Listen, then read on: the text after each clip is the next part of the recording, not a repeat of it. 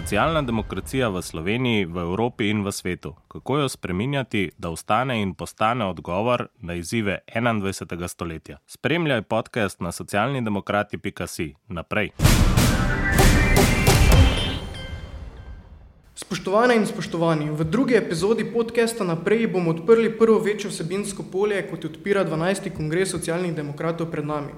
Na predkongresnih dogodkih je predsednik socialnih demokratov Dejan Židan predstavil tri programske pakete, s katerimi želimo nagovoriti ključne izzive pred Slovenijo v prihodnih desetletjih. Ti izzivi so povezana podnebna, okoljska, ekonomska, socialna, pa tudi politična in varnostna tveganja. Zato predlagamo tri pakete: zeleni, razvojni in socialni. V današnji in prihodnih treh podcestih bomo poskušali z gosti predebatirati vsebino teh paketov, ki jih ustvarjamo tudi z intenzivno debato na predkongresnih dogodkih v desetih regionalnih središčih po Sloveniji. Danes se bomo o socialnem paketu pogovarjali s Sonjo Lokar, eno najbolj slovitih borg za pravice žensk in enake možnosti, z dr. Anjo Kopač, nekdanjo ministrico za delo, družino, socialne zadeve ter ekspertko za evropski socialni model, z Dušanom Semoličem, legendarnim vodjem svobodnih sindikatov in Gorazdom Prahom, svetovalcem naše poslanske skupine in načrtovalcem političnih inovacij. Naprej, podcast socialne demokracije za napredne spremembe. Dragi gostje, predlagam, da najprej identificiramo socialne potrebe, za katere danes nimamo kritja socialnih zavarovanj, naprimer dolgotrajna oskrba, prekarne zaposlitve brez socialne varnosti. Pa recimo, da krok pričnemo pri tebi, uh, Goras, kaj so življenjske situacije, pred katerimi se moramo zavarovati z javnim uh, sistemom neprofitnega, uh, social, neprofitnega zavarovanja?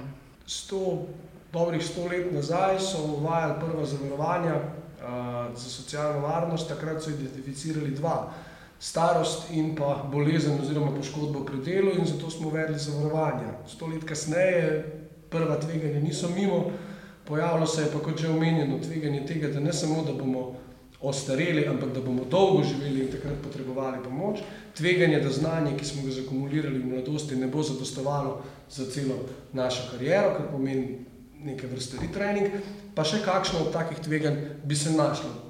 Saj, moja osebna teza je, upam, da jo sprejme tudi drugi, da mi potrebujemo, če imamo nova tveganja, potrebujemo tudi nova zavarovanja. Uh, ja, vsekakor. Treba je pa dodati tudi to, ne, da imamo samo nova tveganja, ker jih je pač Gora zelo dobro naslovil, predvsem povezana s starajočo se družbo, po drugi strani pa res, kot je bilo tudi podarjeno, ta razvoj človeškega kapitala, ta, ta sposobnost posameznikov, da so upolnomočeni, da lahko so fleksibilni, ker žal to pač nek globalni kontekst od nas eh, zahteva, da smo žal vedno, vedno pred, korak pred uh, zahtevami, ki so pred nami, tako da ta družba je mnogo bolj mobilna uh, in predvsem zahteva veliko več ulaganja preko celotnega življenjskega obdobja, kot je bilo v preteklosti, ki je bilo zelo jasno, se šolaš, se zaposliš, imaš zaposlitev za nedoločen čas in se upokojiš. Teh, ta mobilnost oziroma tranziciji imamo mnogo več, mnogo bolj zahtevne so in zato je tukaj pomembno, da sistemi socialne varnosti ne nudijo samo denarne pomoči, ampak tudi za storitvami pomagajo ljudem, da lažje prebrodijo te prehode. Poleg teh novih tveganj je pa treba vzeti v obzir en ključni moment. To pa je, da takrat, ko je Bismarck, ko so upeljali sisteme socialnega zavarovanja, je bil trg zelo nefleksibilen, oziroma je bila zaposlitev za nedoločen čas norma. To pomeni, imeli smo 40-urni delovni teden, imeli smo zaposlitev bolj ali manj lifetime, torej celotno življenjsko obdobje. In varnost, torej pričakovanje plačevanj prispevkov za to obliko je bilo tisto, kar je zagotavljalo vire za sisteme socialne varnosti, za naše pokojnine, za naš zdravstveni sistem. Zdaj pa dejansko, kljub temu, da je še vedno prevladujoč, imamo pa vedno večji segment drugih oblik zaposlitve, ki pa ne plačujejo tolikšnega dela zaradi različnih razlogov, nekaj jih lahko odpremo kasneje, ampak ne plačujejo dovolj prispevkom tekom svojega aktivnega življenja. In dejansko to v celotni družbi, kjer se povečujejo potrebe, in po drugi strani ljudje manj plačujejo, kot so v preteklosti, zaradi tega, ker imamo te fleksibilne oblike zaposlitve, je potem dejansko imamo dvojni problem. In to so ključni izzivi, kako dejansko nova tveganja vključiti in kako zagotoviti uh, finančne vire za te uh, nove potrebe. Ja, jaz bi te še nekaj dodala. Ne? Pred kratkim je v, smo lahko v časopisih prebrali, kako grozovito izkoriščajo prekarne sobarice v naših eh, imenitnih hotelih.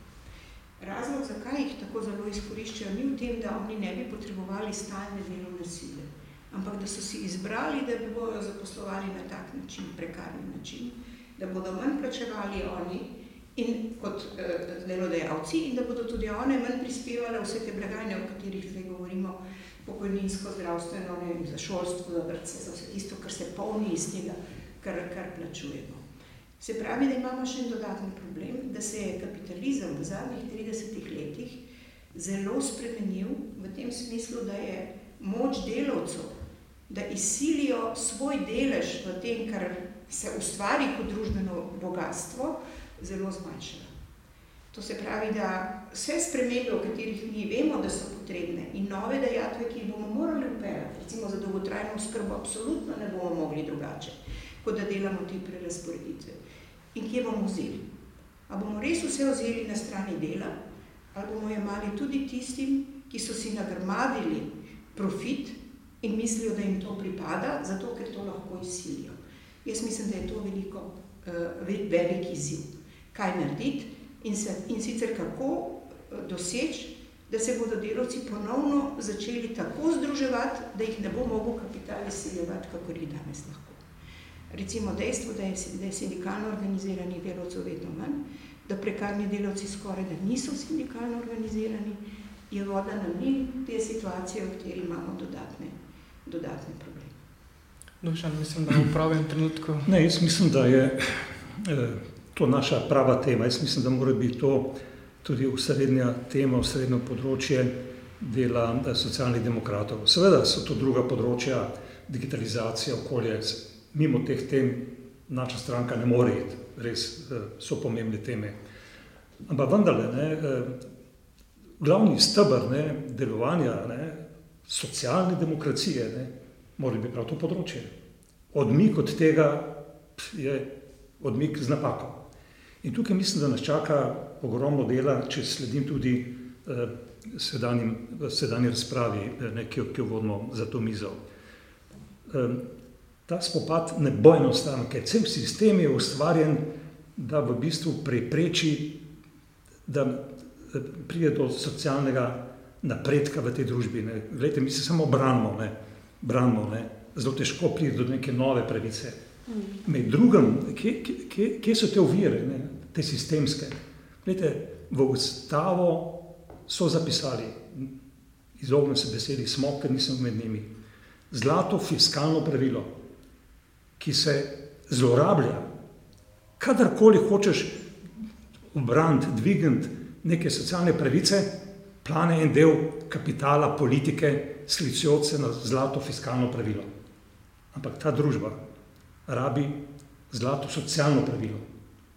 Torej, pravilo, ki bi zaščitilo tudi s pomočjo ustavne norme, ne, da ne bi prišlo do erozije socialne pravice. Ker vem, da to ni moč v tem trenutku, je odgovornost socialnih demokratov prav ta ustvariti zlato socialno pravilo kot ščit za socialne pravice. In ja, eh, eh, osnovno je, kako premagovati krivice.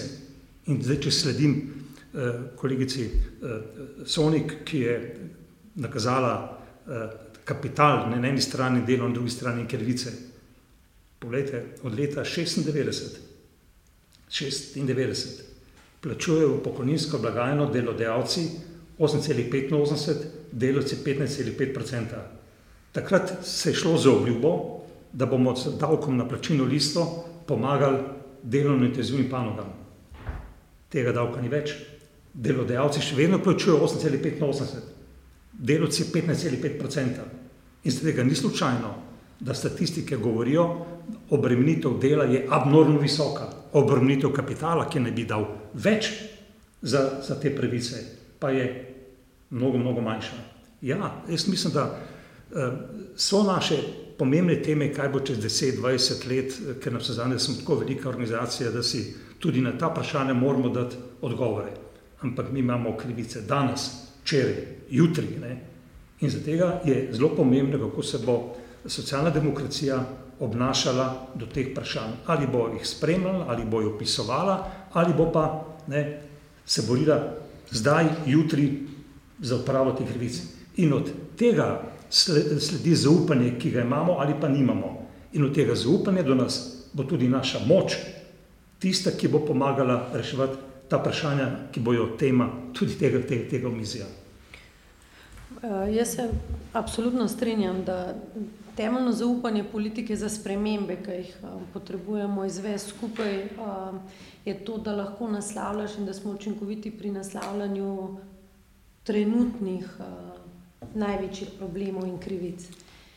Uh, dejstvo pa je, da moramo te krivice, trenutne, ki so in te nepravičnosti, ki so v sistemu, naslavljati na način, da ustvarjamo možnosti in da vemo, kateri izzivi so pred nami tudi vnaprej. Torej, da zdaj malo dam primer. Ne? Zdaj vsi trenutno govorimo o ukinitvi dopolnilnega zdravstvenega zavarovanja in vsi se strinjamo, da je absolutno potrebno dopolnilno zdravstveno zavarovanje ukiniti. Vendar meni kot nekomu, ki je pač bil odgovoren za sistem kot celoto, ne, mi ni z, z roko za odmahan, da rečemo, ukinimo, pa se bomo potem pogovarjali o sredstvih. In tu je zdaj, na kakšen način boš odpravil to krivico v sistemu in kakšne boš nove naredil sistem za naprej. In vkolikor mi dopolnilno zdravstveno zavarovanje ukinemo, brez da imamo dogovorjeno, kako bomo financirali, mi ustvarjamo samo še en problem, ki bo čez eno leto, dve ali tri izbruhnil. In prelagamo ta problem, da ga bo rešil nekdo drug. In tudi, da mi sedaj ne dogovorimo, ko govorimo o novem sistemu, da še dopol, da dolgotrajno zraven damo, mi vzpostavljamo nov sistem socialnega zavarovanja. In tu je potrebno upraviti razpravo prav o tem, kako sta obremljena delo in kapital.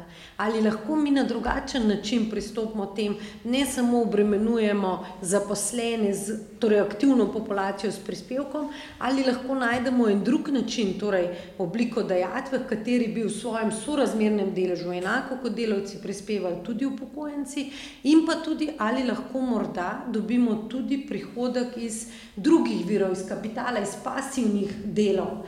Torej, tu imamo zdaj polje, da to odpremo. In tle mi je zdaj ključno vprašanje, kako na kakšen način, seveda, smo med tem populizmom, ukinimo, naredimo, se delamo to že 16 let in hkrati to vseeno odgovornostjo. Ker ne biti nekaj v javnem prostoru, govoriti nekaj, ampak na koncu pride, čez eno leto, dve, tri se bodo videle, naše posledice naših dejanj. In tukaj, zdaj, za starajočo se družbo, imamo res vedno manj prostora za populistične rešitve. Če jaz lahko nekaj k temu dodam. Ne? Jaz mislim, da cela ta debata, ki gre v to smer, kako poskrbeti za to, pa za uno, pa za tretjo skupino, pa da vsakokrat znova to izolirano obravnavamo.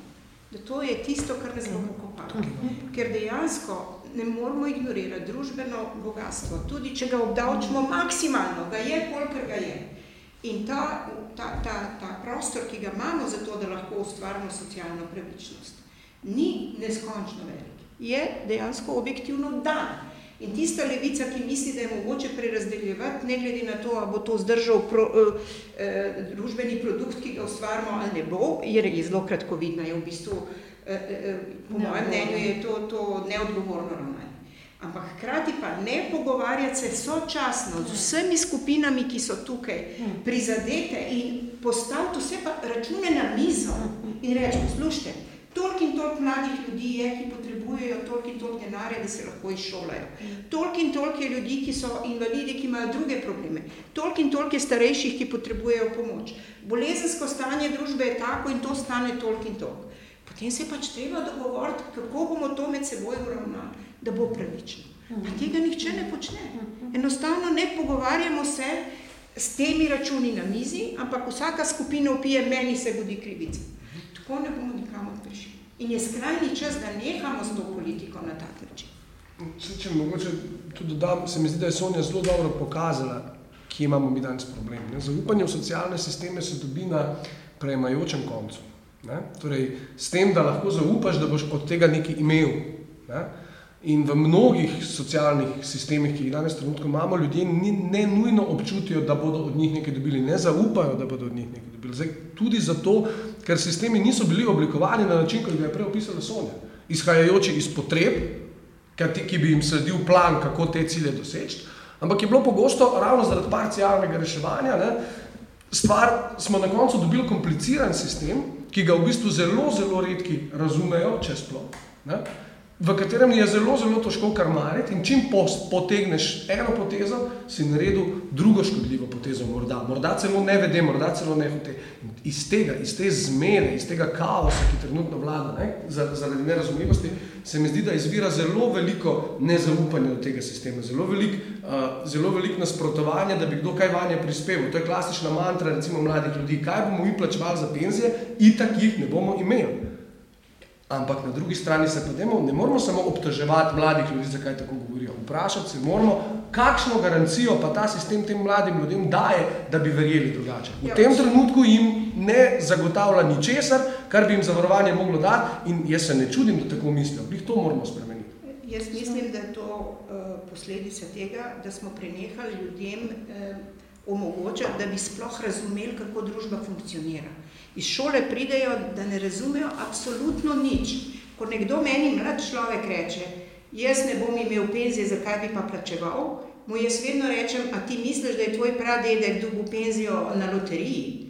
Majko, milo, kako so se borili za to, da so jo lahko imeli. In tudi tvoja penzija ne bo padla z neba. Če boš pustil, da ti jo vzamejo, ti jo bodo lepo vzeli. Torej, kaj? Mislim, če hočemo, da bo ta družba socialno funkcionirala, moramo učiti ljudi, kako se živi v kolektivu, ne pa kako se skrbi za svojo rito, prostite na grobo. Ja, se, seveda moram, moram strinjati s tem, da ko se pogovarjamo o konkretnih problemih, je prav, da vidimo eh, širšo, širši čas pa prostor. Eh, ampak eh, vseeno, ne, potrebno je en del ljudi pa vendarle razumeti. Ne. O dolgotrajni oskrbi, ne, se v politiki pogovarjajo že 15 let. Govorim zelo na pamet, lahko je kakšno leto gor ali dol. To vlad je zapisalo svoje programe, naslednjo leto bo to narejeno. Ne. Tako da, eh, okoli eh, pač dodatnega zavarovanja zdravstvenega, mislim, se že leta govori tisto, kar je nesporno, da je ta sistem krivičen. Da plačaš recimo zdaj premijo 35 evrov, pa ima 400 evrov pokojnine ali pa 10 tisoč eh, evrov plače.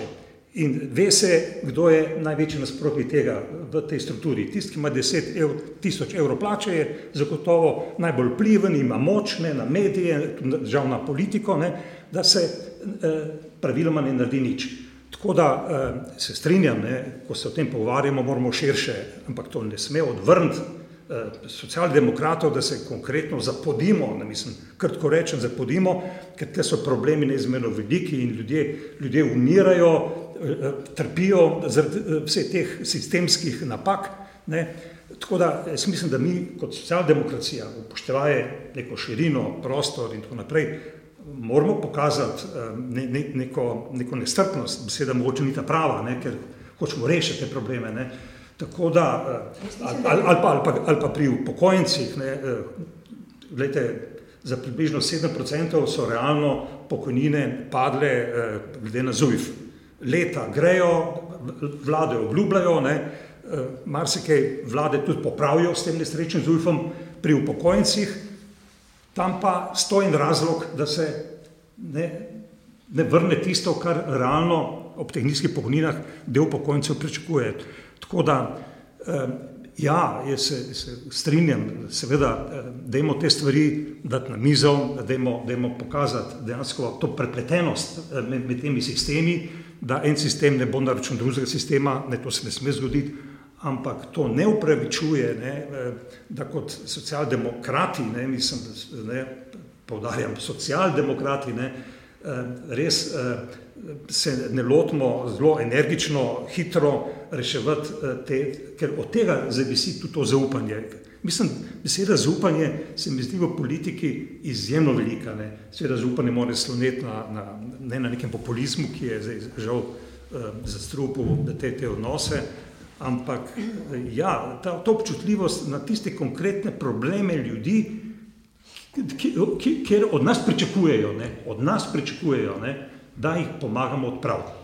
En tak, tak najbolj prozoren primer delovanja. Naprimer, se spomnite, koliko je bilo na vsak način treba ustanoviti neko posebno službo za otroško srčno kirurgijo. Ne? Zaradi tega, ker je bil pritisk, ker smo reševali takrat problem in je pač ministrica takrat predlagala, kot je, verjetno je verjela, da bo to rešila.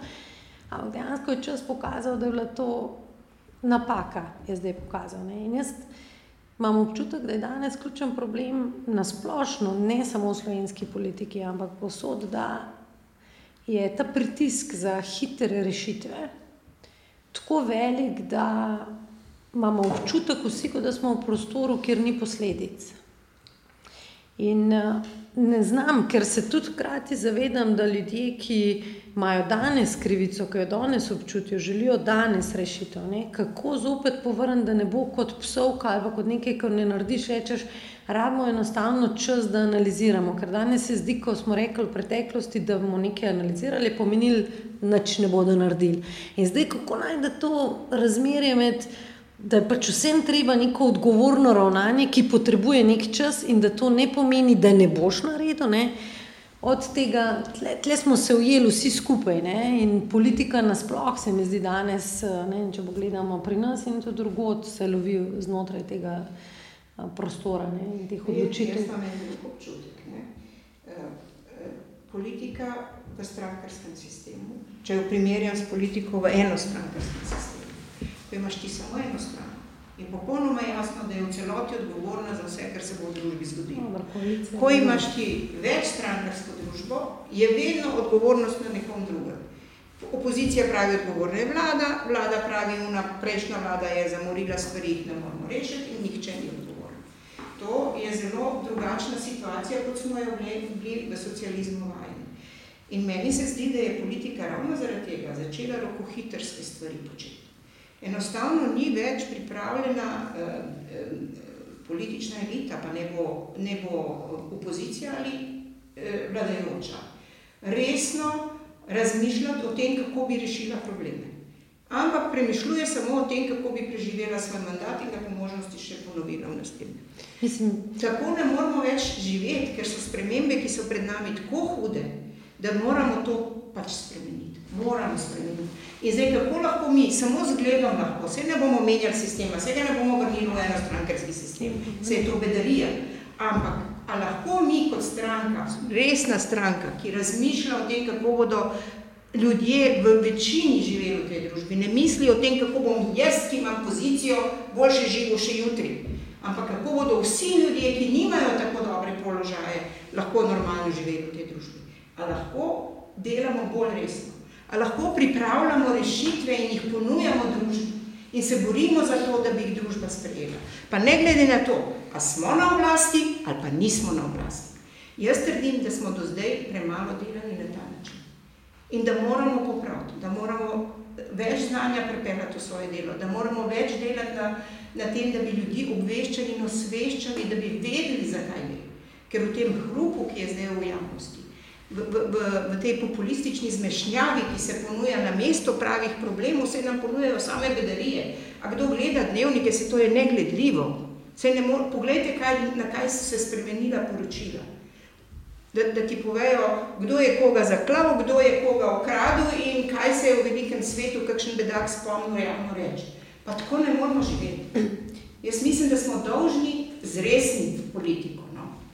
Mislim, da to, to je osnovi, osnovni namen tudi našega, uh, naših programskih sprememb, da se o tem pogovarjamo, da se pogovarjamo čim širše. Torej, predvsem, da postanemo platforma tudi za združevanje tako nevladne, civilne družbe in to, predvsem tudi sindikatov. Torej, da se zopet vrne to zaupanje v stranko, ki znotraj političnega sistema, ki je odločevalski. Pač, posluša tudi druge in postane pač predvsem da roko vsem drugim organizacijam, ker te spremembe, ki so pred nami, kar se tiče staranja prebivalstva, sprememb na trgu dela, dogovora novega razmerja med delom in kapitalom, ki bo potrebno, če bomo želeli. In to je nujno, da bomo kakovo življenje ohranjali tudi v prihodnje na nivoju, kot ga imamo danes. je nujno, da dobimo čim širše roke z strani vseh nevladnih, civilne družbe in da, da skupaj te stvari premaknemo. Ker v družbi, če nimaš dovolj tega soglasja, širšega spremembe in slovenska družba je izrazito konsenzualna družba z številnimi možnostmi veto pozicij in mi, to je dobro za ene stvari, ampak dejansko je to pa ključno, da potrebuješ res širši konsens za družbene spremembe. In zakaj se to dolg, dolgotrajna in vse to ni? Zaradi tega, ker na koncu gre za denar, gre za nov sistem in v bistvu vedno se proračuni razdelijo obstoječe obstoječe zahteve, medtem ko zmanjka prostora za nove. In tukaj, ko greš ven iz tega um, kroga, kvadrature kroga, fiskalnega ali kakršnega koli, rabiš pa potem mnogo širše soglasje za neko spremembo. Ne? In tukaj je levica na nek način tudi kaže nam to, da smo bili premalo odločni, da enih stvari nismo in da zdaj te rokohitrske rešitve. Ampak vseeno, jaz mislim, da je prav, da, da se zavemo, da so rešitve nujne, da jih je potrebno, ampak vseeno na nek odgovoren način, ker račun bo prišel in mi smo dolžni pogledati za vse generacije. V, v, v Sej, če iščemo to širšo platformo, kar si rekla, se mi zdi zelo pomembno, eh, da bi kot stranka eh, pomagali krepiti tudi socialni dialog. Ja, Mislim, da, eh, ampak tudi za našim obnašanjem. To pomeni, da mi se zavedamo, da nimamo mi eh, vseh odgovorov na vsa vprašanja, ki jih pač v življenju, mm -hmm. ampak da imajo tudi socialni partneri, recimo sindikati, odgovore, za katere je verjetno potrebno, da jih prisluhnemo. Mm -hmm. Je pa potrebno nekaj, nekaj v sistemu spremeniti. Namreč socialni dialog je ena civilizacijska pridobitev Evrope v Evropski uniji s vsemi svojimi napakami, je to prav grejeno v sistem. Medtem ko v Sloveniji, ne, lete v ustavi, marsikaj piše, vse, vse kar piše v ustavi, ali pa veliko večino je res dobrih stvari, ne tako za neko državo, kot je naša, ampak note v ustavi ni besede o socialnem dialogu. Imamo Italijo, Grčijo, imamo države, kjer so v ustavi zapisani ekonomski sveti, vloga, zdaj, to je del demokracije, pravim, ne, In to je del tudi eh, nekega ozračja, ki ne nastane v tej družbi, da kot eh, politične stranke imamo svojo odgovornost, nekaj eh, znanja je potrebno, še marsikaj. Ampak tudi to občutljivost, da ko iščemo res, da mhm. ponovim to misel, odgovore, kaj vse početi, katere probleme reševati in tudi na kakšen način, ne, da se ne domišljamo, da mi imamo vse odgovore, ja, odgovore to demo v tem dialogu za civilno družbo, ki je širša kot sindikati in socialni partnerji, ampak vendarle ne. Eh, zdi se mi eh, namreč zelo pomembno spomniti, da v Evropskem stebru socialnih pravic, ki velja, ne, ker smo ga tudi sprejeli in se zavezali, ne, je pomeni vloga socialnih partnerjev izjemno pomembna. In za našo stranko, če sledimo temu in moramo slediti temu, ne, je ta tema tista tema, ki tudi ne pomaga iskati odgovore, kakšno socialno državo, kakšne socialne pravice moramo imeti in obraniti v tej naši državi. Še gore smo tem bomo malo. Sej, jaz sem mogoče, ko vas poslušam, hotel za eno provokacijo postreči. Ne? Prvo vprašanje je bilo, kdo je v bistvu odgovoren za tisti, ki naj za oblikovanje politik, In žal se je v tej družbi vse preveč oblikoval konsens, da, da morajo to narediti ljudje na vladi s pomočjo državnega uradniškega aparata in da nihče drug nima pravice niti kapacitete to početi. Jaz mislim, da je ravno vloga strank, da to, da postanejo platforma, kot si rekel Dušan, ki začnejo to igrati. To je vloga strank v večstrankarski družbi. Da, da postajajo platforma, na katerih se lahko oblikujejo poskusi rešitev, ker če jih prepustimo državnemu aparatu, vidimo, kakšne rešitve dobimo nazaj. Niso vedno najboljše. Hkrati si bom dovolil, mogoče malo bolj bogokletno, ampak eno provokacijo v zvezi s socialnim dialogom. Jaz ga izjemno podpiram, ne? vendar moramo pozoriti, da soglasje socialnih partnerjev še ni garancija za pametno odločitev. Naj spomnim tista, tista, tista odločitev o rezanju, o zmanjšanju deleža socialnih prispevkov, ne, je bila ena od redkih stvari, o katerih so se vsi deležniki ekonomsko-socialnega sveta takrat strinjali. Tako kot so se lani strinjali, oziroma letos strinjali o tem, da je treba v celoti in popolnoma razdavčiti regres in ga razbremeniti prispevkov. Jaz samo osebno sem si mislil, pa vsaj nekaj bi jim pustil, zato da bi ohranilo načelo, da se od vsakega dela, od vsakega zaslužka nekaj prispeva za skupne sisteme.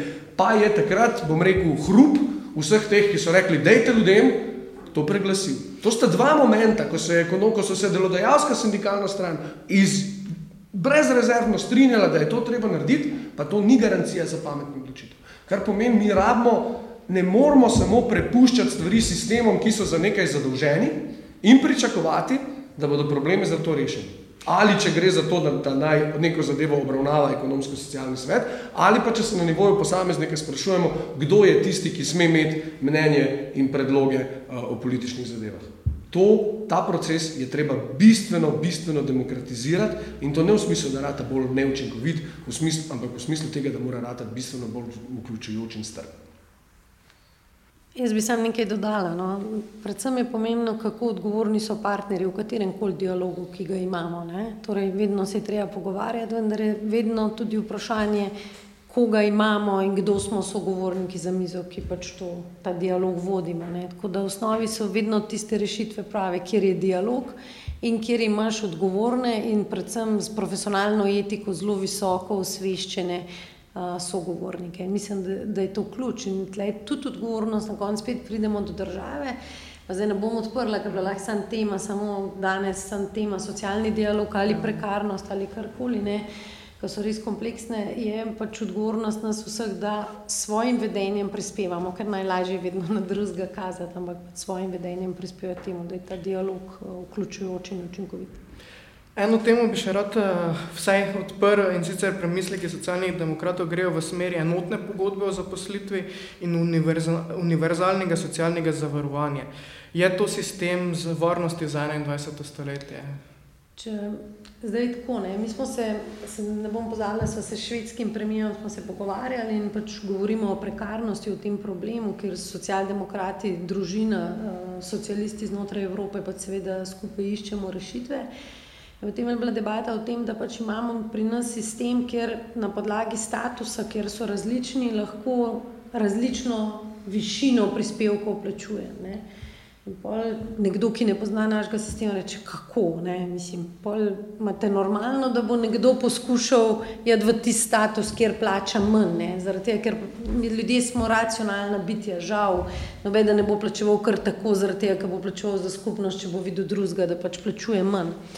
In eh, švedi imajo to na način podobno kot je davčni sistem, eh, kot ga pri nas poznamo, da seveda plačamo od tistih dogovorjenih dohodkov, se na koncu leta obračuna, koliko sem zaslužil in od tega plačam dohodnino. In oni imajo podobno tudi za prispevke, torej ni uprispevčeno glede na to, ali imam zaposlitev za nedoločen ali imam delovno razmerje, ali imam pogodbo iz del, ali imam civilno pravno pogodbo, ali delam preko študentske napotnice, ali kako drugače, ali sem samostojni podjetnik, ampak dejansko se pogleda v celoti, koliko sem dobil in glede na to se odmerijo prispevki in se potem porazdelijo po blagajnah. Tukaj gre za eno veliko spremembo v sistemu, ker naš sistem v osnovi je rigiden, predvsem glede statusov. Pri nas imamo, da so pravice in prispevki vezani predvsem na status, ki ga jaz imam. Tu gre za veliko spremembo, ampak jaz mislim, da se bomo o tem zelo odkrito morali začeti pogovarjati.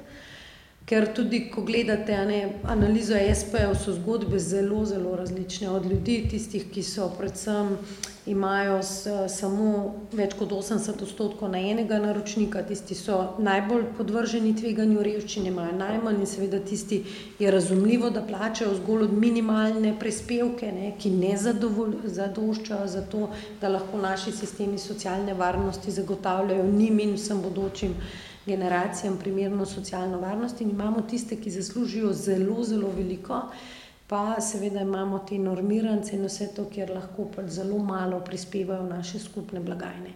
In ob tej fleksibilizaciji, ki je, je to sistem, ki ni vzdržen. In tu je pač potrebujemo to širšo diskusijo in predvsem dialog s socialnimi partnerji, kako to vrstno vprašanje zapreti, ker na ta način ne bo šlo več.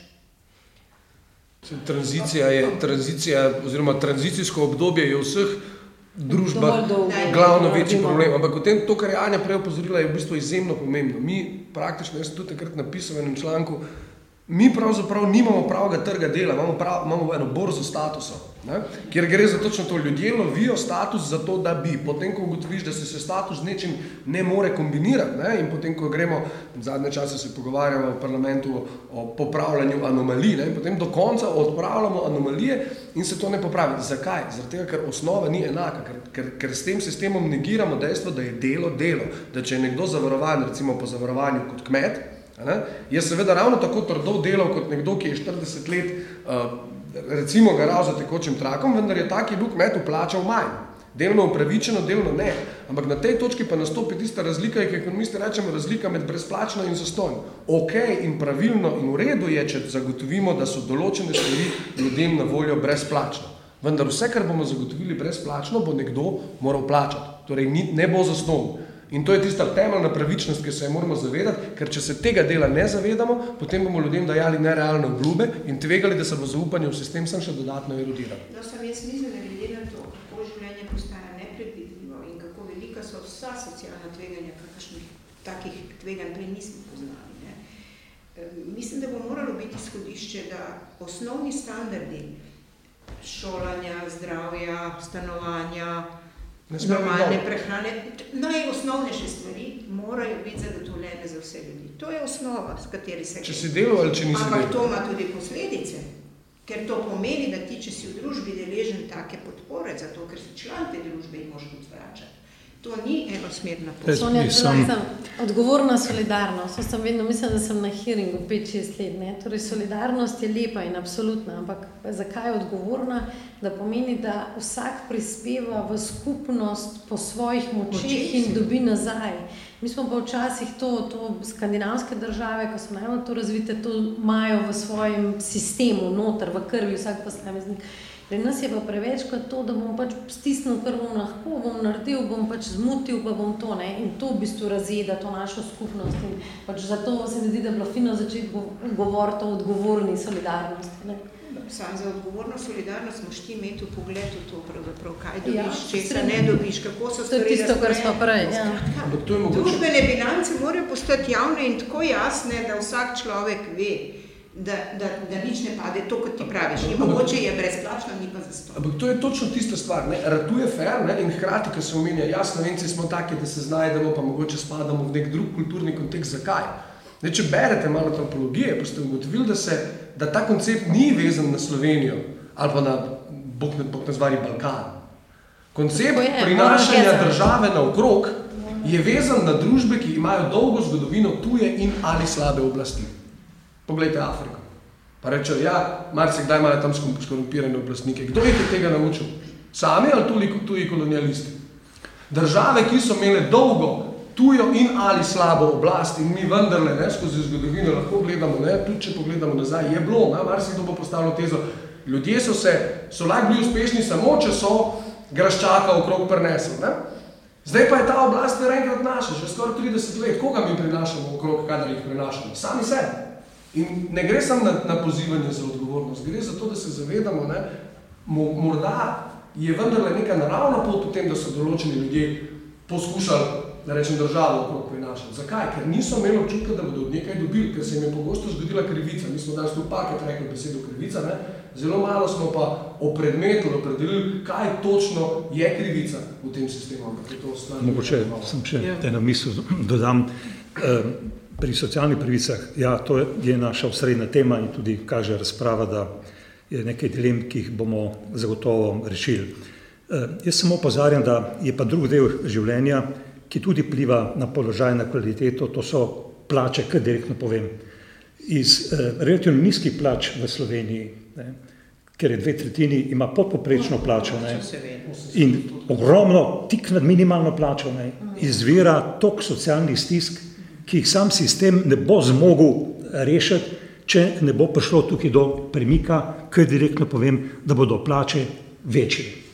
Če se že pogovarjamo in se govori, koliko so dobički veliki, kakšen je kapital pri nas, ne, eh, moramo imeti eno izmed prioritet tudi problematiko plač. Seveda, jaz se zavedam, stranka tukaj lahko samo so ustvarja neko klimo, ne, ki, ki naj pač prispeva k temu, da bi preko socialnega dialoga in tako naprej prišlo do teh premikov. Ampak dokler ne bo prišlo do dviga plač, ne, eh, bodo ti problemi samo eh, rasli, rasli, rasli, ne, vsaj v nekem delu ljudi. Tako da eh, jaz mislim, da je problematika plač eh, tudi ena izmed osrednjih tem in ena izmed osrednjih pač tistih ključev, ki ne prispevajo k temu, da bo tudi blagajne večje, no še zadnje ta stvar se navezuje ne, in bomo lažje reševali te socialne stiske ljudi tudi preko tega. Kratka, ne uide nam prerasporeditev. Ja. Prerasporeditev sicer ne more eh, do te mere eh, nadomestiti vsega drugega, ne, da bi bila to čarobna palčka, ki bo vse rešila. Ampak brez nje se pa tudi ne bo dalo. Ja, da imamo tako končane, treba je tisto, kar ustvarimo, ne, je vprašanje potem, Ja, kje se- vzameš in kje dobiš, ne, ampak dejansko moraš najprej ustvariti, ko je razmerje, s kje dobiš vir. Ja. Dejstvo In da zavedajoč se, da tisto, kar da- ustvarijo, ne ustvarjajo samo kapitalisti, lastniki kapitala, ampak predvsem delavci. Ker brez delavcev tudi Ja. dobičkov ne bi bilo. Točno In In mislim, biti je ta legitimacija normalna. Ne. Do prerasporeditve more priti. More priti. Ja, verjamem, da bo še ta debata pestra in ravno zato so namenjeni ti predkongresni pogovori, pa podcast in pa seveda kongres, s katerim se začenja uh, neka večja uh, prenova uh, programa socialnih demokratov za 21. stoletje, pa da zaključimo res za eno kratko mislijo vsakega uh, o tem začetku uh, procesa, uh, pričakovanji kongresa, ki je 9. novembra pred nami v Velenju. Prav je, da razmišljamo, prav je, da iščemo odgovore, kaj bo s to družbo čez pet let. Da si tudi cilje tako postavljamo. Ampak hkrati ne pozabljamo, da imamo vrsta problemov, o katerih ljudje pričakujejo, da jih pomagamo reševati že danes. Potem nas bodo ljudje sodili ne po programu, ne po sanjah, ki so tudi potrebne, ker na vse zadnje, kdo se ve, kdo ve, kaj bo čez 3-4 leta. Kot stranka pa moramo imeti tudi te odgovore, ampak predvsem, da se kot stranka zavemo, da moramo reševati probleme danes. Bi mogli že včeraj, nekatere jutri. To je za me eh, izjemno pomembno. To je baza, to je iz, izvir tudi eh, zaupanja, kredibilnosti stranke. Sonja? Ja, jaz mislim, da je vedno prav pogledati daleč naprej. Ampak ne moreš pa videti daleč naprej, ne da bi istočasno rešitve, ki jih moraš danes dati od sebe, eh, dejal v kontekstu tega, kar vidiš daleč naprej. Recimo, če, če se odločaš eh, o energetiki, moraš razmišljati o tem, kje je danes svet, da imamo klimatsko krizo, ne moramo energetike, ki nam danes že dela probleme, reševati tako, kot da te energetske krize, eh, klimatske krize nimamo. Če imamo problem starajoče se družbe, se ne moramo delati, da lahko eh, ravnamo, kot da tega problema ne bi bilo. Enostavno, to je dolgoročni problem, vsega ne moramo rešiti v enem dnevu. Ne? Ampak rešitve, ki jih bomo danes sprejeli, bodo vplivali na družbo naslednjih 20-30 let. In jaz tako vidim naš kongres. Ne v tem, da se poskuša izogniti današnjim dilemam, ampak današnje dileme presojamo s pogledom na, na, na, na dolgi rok, bi rekla. Jaz si pa želim, da predvsem podamo socialni demokrati in vizijo družbe, ki jo želimo živeti. In da za to vizijo tudi dobimo dovolj somišljenikov, ker namreč ta družba rab a, vodstvo, rabi leadership v smislu nekih vizij, kam gremo kot celota. Ker edino tako, naprimer, ko pogledate danes naše odbojkarje, ne, vsi živijo za neke sanje in mi skupaj rabimo, slovenci rabimo vizijo, tako kot je bil čas pridružitev Evropske unije, mi rabimo neke cilje, okoli katerih se bomo poenotili in bomo lahko dovolj moči za premik v tej smeri in da nihamo med sabo. In jaz bi si želela, da smo socialdemokrati ta sila, ki pokaže za nekim tudi ravnanjem in da predstavlja ta leadership, kam želimo kot družba, kot celota v naslednjem desetih, dvajsetih letih. Um, jaz, v bistvu, če razmišljam o tem kongresu, tudi širše, si želim, da se stranka povrne zaupanje. In zdaj, ko se govori o zaupanju, to marsikdo uporablja. Ne? In zdaj naše klasično razmišljanje je, da bi dobili zaupanje, moramo dati obljubo, dostaviti in izpolniti, in iz tega bo sledilo zaupanje. Jaz tu postavljam eno kontratezo. Se mi zdi, da več zaupanja izgubimo takrat, ko nismo pozorni na kakšne stvari. Ne? Ko, ko se preveč osredotočimo na to, da bi dostavili tisto, kar smo obljubili, Namesto da bi zagotovili, da ne bomo pozabili na tisto, zaradi česar smo tu. Da ne bomo pozabili na našo zgodovinsko vlogo. Mislim, da nam takšne stvari ljudje bistveno bolj zamerijo, kot to, da kdaj načrta, ki si ga zastavimo, ne moremo izpeljati točno tako, kot smo si ga zastavili. In drugič, zaupanje se ne more zgraditi tako, da bodo tisti na vrhu imeli vizijo in plan, ki bodo vsi drugi sledili. Ljudje želijo biti vključeni, želijo biti del tega. Ne želijo biti ovce v čredi, ki sledijo ovnu, ampak želijo sodelovati pri oblikovanju tega cilja. Zato se jaz veselim kongresa, tudi zato, ker se obetajo spremembe v načinu odločanja stranke, ne, ki razbija sistem komitejev in delegatov, ki neprestano poslušajo od spodaj, pa vendarle odločajo v zaprtih sobah, kakršni smo sami, ampak da se prestavi k temu, da se z ljudmi, ki morda danes sebi ne rečejo socialdemokrati, pa kaj potem, mi vseeno sedemo z njimi skupaj in poskušamo narediti nekaj dobrega za nas in za vse. Če je stranka pripravljena ta preskok narediti, se tudi ne bojim za to, da bi uh, ta kongres bil kongres zaupanja. Najlepša hvala vsem, verjamem, da glede na današnjo dinamiko še bomo ponovili pogovor. Um, naslednji petek pa bomo v podkastu naprej odprli razvojni paket, uh, zato vabljeni, da nas spremljate na socialnidemokrati.si. Srečno! Socialna demokracija v Sloveniji, v Evropi in v svetu. Kako jo spreminjati, da ostane in postane odgovor na izzive 21. stoletja? Spremljaj podcast na socialnidemokrati.si. Naprej.